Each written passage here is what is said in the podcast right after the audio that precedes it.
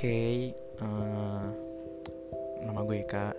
Gue sebenarnya bikin podcast ini cuma tujuannya untuk teman-teman terdekat gue aja, karena gue juga nggak mau nggak mau banyak orang yang tahu gue bikin podcast dan gue cerita tentang ini, karena cerita tentang ini gue kayak ibaratnya pengen ngepublikasi ini ke teman-teman dekat gue doang.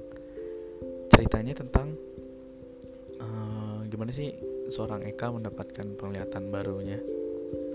Apa yang gue lihat selama satu bulan gue dapetin ini karena um, besok udah sehampir sebenarnya dua hari lagi sih dua hari lagi udah sebulan. Jadi ya dengerin aja ya. Thank you